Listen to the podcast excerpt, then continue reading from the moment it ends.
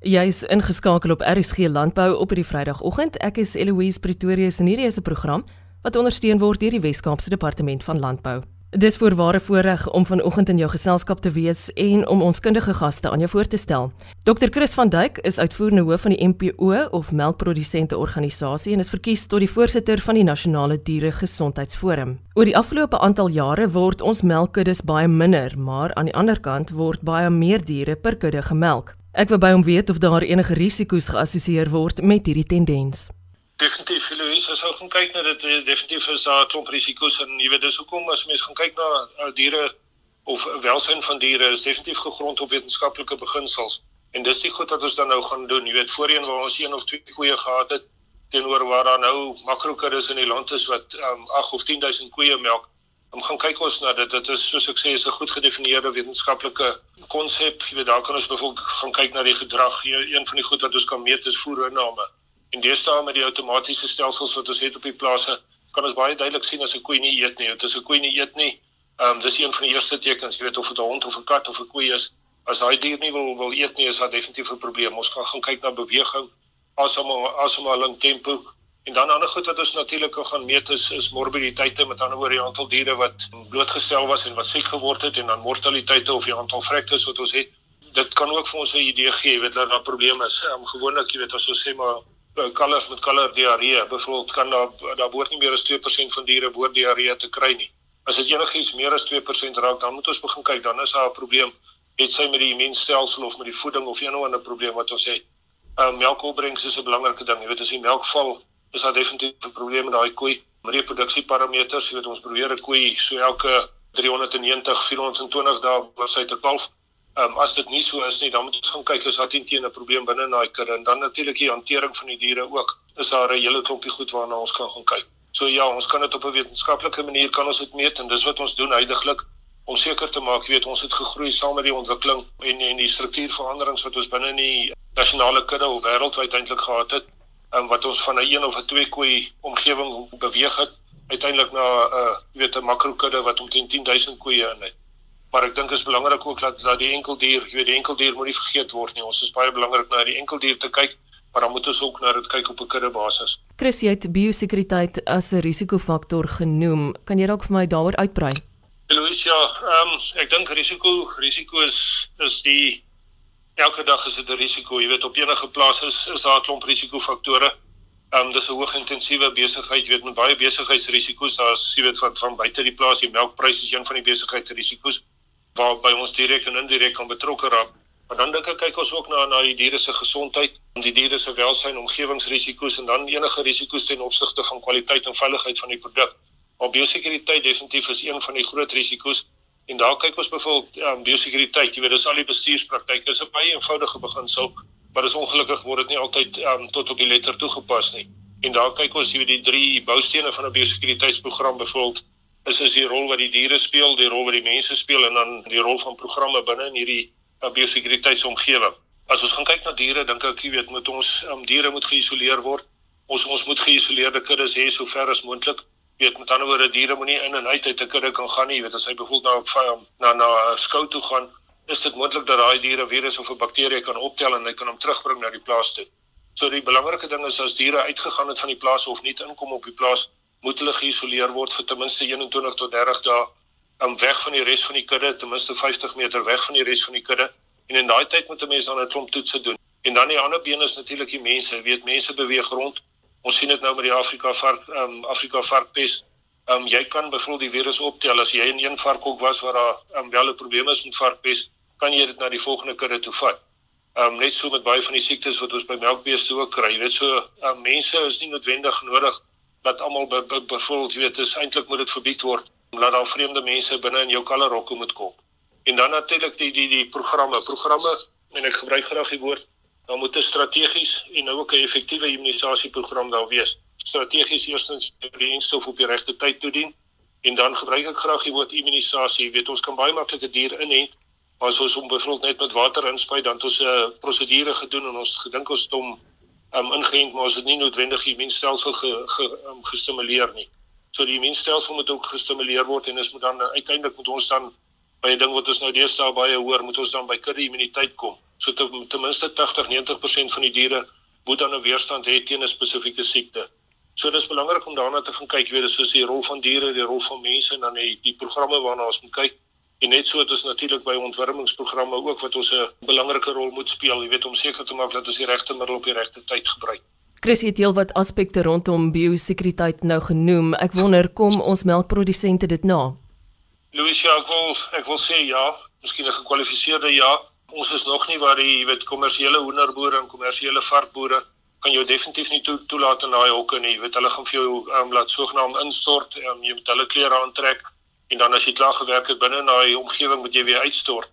Ehm um, dis 'n ding wat ons definitief sal moet in plek kry. Jy weet, veral wat ons melkbeeste betref, ons vleisbeeste, ons skape, Um, dit is nog nie heeltemal daar nie, maar jy weet ons ons het die ons doen opleiding, ons het gevoel laas jaar weet binne die grendeltyd het ons um, 120 veeartse en boere en dieregesondheidstegnisie het ons 'n programme besigheidskursus wat ons van die NPO se kant af aanbied het het ons aangebied en ek dink die, die dit het dadelik die die mense na 'n volgende vlak toe gevat. So daar's baie aanvraag jy weet vir hierdie kursus. Ehm um, en die boere kan ons gerus kontak. Jy weet ons kan dit ehm um, in 'n groep kan ons dit doen. Ons kan dit um, per individu ook doen. Maar ek dink jy weet daar kyk ons na die assessering van jou biosekuriteit en om die uh, die teorie van biosekuriteit om dit uiteindelik tot op 'n vlak te bring waar dit 'n verstaanbare ding is, maar dan ook 'n toepas toepasbare ding is en dan 'n ding wat baie duidelik jy weet oor tyd moet geëvalueer um, word, geherëvalueer word. En dis nie 'n ding wat jy eenmalig in plek kan kry en dit dan net los nie. Jy weet dis 'n ding wat jy elke dag na moet kyk. So jy weet dis uiteindelik is dit 'n baie eenvoudige konsep en wat ek in die begin gesê het, maar as jy dit nie toepas nie en as jy nie gereeld daarop gaan verbeter nie, weet dan kan jy jare se werk kan jy oornag verwoes. Jy weet jy kan byvoorbeeld 'n siekte inkry, môre oor môre het jy geen meer 'n bees oor om te melk of 'n of 'n vleisbees oor nie. So ja, ons ons het definitief baie werk om te doen nog daar. Chris, hoe maak ek met julle kontak? Louis, ehm um, die beste is ehm um, ja, ons ons webwerf is mpo.co.za of die luisteraars kan my direk skakel by my miskien die beste my selfoonnommer 082 789 4499. Maar diere gesondheid lê vir my baie na in my hart. Jy weet die nasionale diere gesondheidsforum baie belangrik. Ehm um, daar word baie goeie werk word daar gedoen, jy weet um, vir die industrie, binne in die industrie en vir die industrie. En dan dink ek um, biosekuriteit is my passie. Jy weet biosekuriteit is is deel van diere gesondheid en as ons dit goed in plek kan kry en en saam met dit gaan kyk jy weet dat die diere in 'n omgewing is waar hulle gelukkig is, jy weet 'n gelukkige dier is 'n gesonde dier en 'n gesonde dier is gelukkig. Jy weet en ek dink dis waarna waarna ons streef. Ehm um, uiteindelik ja, dit is um, ons gebruik hulle die dit is voedseldiere nou hulle moet uiteindelik vir ons melk en vleis en goed verskaf. Maar ek dink in hierdie hele proses, jy weet, moet ons gaan kyk dat ons hulle gesond hou en dat ons in baie baie be, in besluit na hulle welsyn ook moet ons sien. Jy moet seker wees, jy weet, dat ons kan bybly wat die wat die vyf vereistes is of die vyf aspekte wat ek vroeër genoem het. So gesels Dr Chris van Duyk, uitvoerende hoof van die MPO of Melkprodusente Organisasie en voorsitter van die Nasionale Dieregesondheidsforum. Volgens Kobus Meyring van die Tuinroete Omgewingsforum is die bergopvanggebiede rondom die Wes-Kaap oortrek met indringerplantegroei. Nou dit het 'n dramatiese invloed op die hoeveelheid reënwater wat uiteindelik opgaardamme bereik, veral in plekke soos Kaapstad en omstreke waar daar geen meer plek is om groot damme op te rig nie. Raak dit toenemend sinvol om opvangsgebiede volhoubaar te bestuur. Ek wil by hom uitvind hoe plaaslike rivierstelsels in bewaringskorridors omskep sou kon word. Die tuinroete grondeienaarinisiatief het in 2010 op 'n uh, inisiatief gegaan om te kyk wat kan ons doen ten einde ons rivierstelsels wat krities uh, bedreig word deur landbou en ontwikkeling om hierdie stelsels in bewaringskorridors te omskep.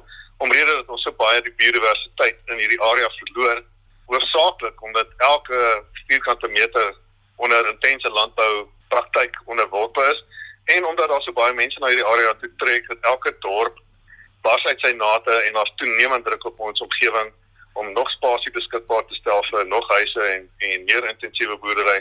En hierdie rivierstelsels is omtrent al wat oor is as gevolg van hulle ligging. So primêr is die rivierstelsels ontoeganklik, is moeilik om daar te boer en teen daai styl hellings is daar tipies nie sommer woonhuise en so aan nie.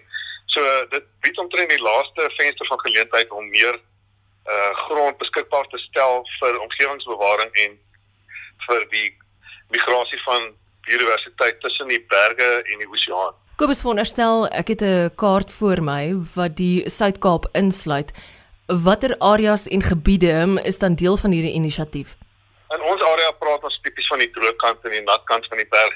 Die die natkant van die berg is enige area eintlik wes van die Brederrivier, wes of noord as jy dit sou wou hê, um, van die Brederrivier tot in die Tsitsikamma, al die rivierstelsels wat van die Langeberg en die Outeniqua en Tsitsikamma berge na die oseaan toe vloei en dan het ons aan die droogkant waar is die Klein Karoo area en daar het ons ook 'n uh, uit van rivierstelsels soos die Goue rivier, die Olifantsrivier en dan 'n klomp kleiner uh, riviere wat eintlik ook almal éventueel in die Indiese Oseaan invloei. Is julle besig om julle doelwitte te bereik met hierdie inisiatief? Ons is baie tevrede met die vordering wat ons maak. Suid-Afrika het toenemend min geld beskikbaar vir vir natuurbewaring. Ons hulpbronne word geweldig gedreineer deur byvoorbeeld hierdie renosterstropery kos ons miljarde rande wat ons moes aanwend om groter bewaringsdoelwitte te bereik, soos om meer grond onder beskerming te kry en om meer moeite te doen om om areas wat wat onder amptelike bewaring is in 'n beter toestand te kry en en dit gebeur net nie so ons het in die Suid-Kaap 'n sterk beroep gedoen op privaat grondeienaars om die hef in eie hand te neem en hierdie bewaringsinisiatiewe te probeer bevorder en en self goed reg te kry. So in ons konteks, die grootste enkele bedreiging vir biodiversiteit en omgewingsbeskerming is indringend plante groei in ons area. Daar is ander goed soos watergate wat weer swak bestuur van sê maar rioolaanlegte of plase waar die afloopwater van 'n swak gehalte is, speel ook 'n rol en natuurlik ontwikkeling van nuwe behuising en paaie en harde infrastruktuur in riviere opvangsgebiede, maar die primêre probleem is indringende plante groei. Nou indringende plante groei is 'n geweldige probleem wat jy nie moet onderskat nie. Dit kos duisende rande per hektaar om dit skoon te maak en en dit is net een van daai goed wat nooit afgehandel word nie. Jy moet die hele tyd dit bestuur en en geld en hulpbronne op dit uitgee. Maar ons het nou in die laaste 10, 11 jaar baie geld investeer om grondeienaars by te staan om hoe om inderdaad plante groei te beheer. En die laaste, miskien een van die insiggewendste goed wat ons gedoen het vir grondeienaars wat probleme het met inderdaad plante groei, is om vir elkeen 'n indringer beheer plan te skryf.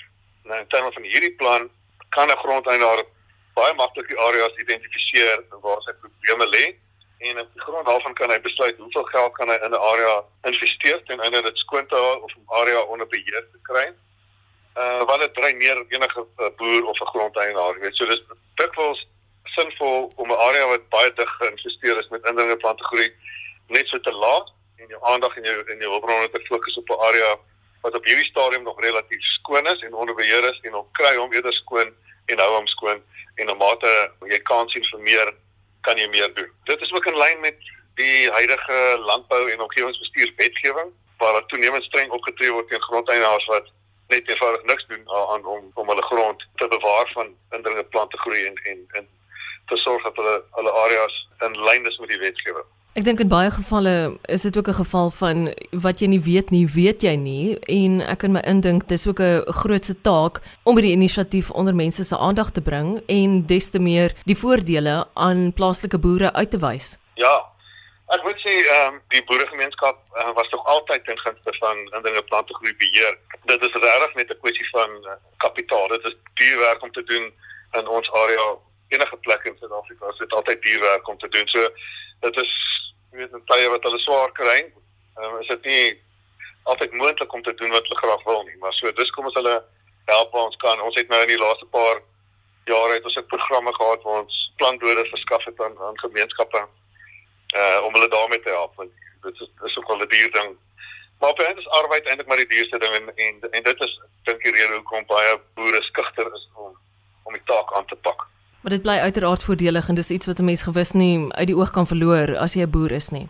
Dit is dan die grondeienaars is is wat ons nodig het. Ons in die Suid-Kaap net soos in die hele Wes-Kaap en elders kan jy sien die die effekte van klimaatsverandering is stadig maar seker besig om in te kruip en ons rivierstelsels ons opvangsgebiede is van kardinale belang vir vir ons of vir die gemeenskap en natuurlik vir die natuur en die omgewing om te oorleef. Baie van ons riviere hier in die in die Suid-Kaap vloei al lankal nie meer. Daar is niks meer water. Die vlei lande is droog gelê. Die sytakke en vloedlyne, alles is is toegegroei. Jy weet, so daar is amper 'n steriele omgewing waar niks meer 'n kans staan nie. En en as ons in 'n situasie ingaan soos wat ons nou ingaan waar die reënvalpatrone merkbaar verander, dan moet ons ons huiswerk begin doen en ons huis in orde kry en dit is waar ons moet begin in hierdie rivierstelsels. Dit is letterlik die longe en die slagareas van van ons omgewing. Ons area het altyd verwys na die brandrisiko wat in 'n plante groei bring. Die Nysna brand van 2017 wat multimiljoen rand skade aangedoen het en lewensverlies, sowel as die 2018 Outeniqua brande in totaal het daar ver oor 100 000 hektaar afgebrand. Enige boer sal vir jou kan sê wat met sy heininge gekos het en in terme van voer en veiding en infrastruktuur. Daai skade is is amper onverhaalbaar. Baie van die ouens kon eenvoudig nie weer op hulle voete kom nie. En die voorbeelde daarvan is legio. Ek kan veral in die klein Karoo en daar ons het, het is getref deur die brand en die in areas in ons klein Karoo is al 10 jaar onder 'n droogte toestande en daai droogte is, is nou nog nie gebreek nie. So brand is 'n groot probleem en die feit dat daar so baie indringende plante groei op ons landskap is is net die brandstof wat daai brande nodig het en so die risiko is is amper tweeledig water en brand dit is ons groot probleme Diep domeinkennis is iets wat Kobus Meyering het Hy is ook verbonde aan die Tuinroete Omgewingsforum. Sou jy weer na hierdie program wou luister, is jy welkom om so te maak. Laai dit gerus af van www.elsenburg.com. Saterdagoggende om kwart voor 12 het ek en jy nog 'n staande afspraak om goeie landbounuus en ander stories saam te verken. daarmee gesels ons ook met kenners en ander belanghebbendes. Ek wens jou 'n veilige Vrydag en ek hoop jou naweek begin op 'n hoë noot. Ek is Eloise Pretorius. Totsiens.